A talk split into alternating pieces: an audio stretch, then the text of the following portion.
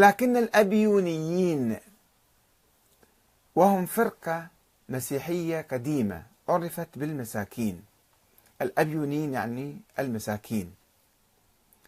قالوا بأن عيسى نبي عظيم من الأنبياء. جاءه الوحي بعد معموديته على يد يوحنا المعمدان.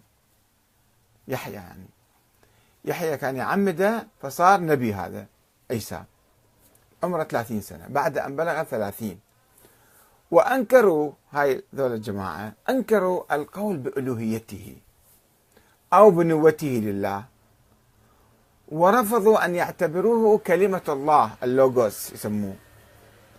وقالوا بأن المسيح المبدأ الأزلي يعني قال هو نبي والمسيح صفة والمسيح المبدأ الأزلي دخل يسوع يوم عماده يوم تعميده وتغسيله. فالمسيح ذاك الروح يعني دخل في عيسى هكذا قالوا. وفارقه يوم استشهاده. وراح من عنده فهو كان إنسان عادي. وتبنى آراء هذه الفرقة الأبيونيين المساكين. معظم رهبان قمران منطقة. بعد خراب هيكل أورشليم. فهاجروا إلى الحجاز وانتمى إليهم بعض القبائل العربية.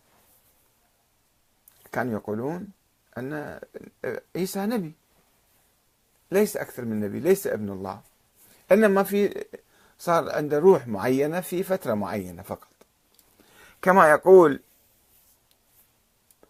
أبو موسى الحريري وهذا كاتب مسيحي معاصر عنده كتاب اسمه قس ونبي صفحة 12 هو يعترف بوجود هذه الفرقة الأبيونية التي كانت ترفض ألوهية السيد المسيح وتقول لا كان هذا إنسان عادي نبي يعني من الأنبياء. وتجدون هذا الكتاب أيضا في موقع الأنبا تكلا. واحد أيضا عنده موقع على الإنترنت الآن قسيس مسيحي.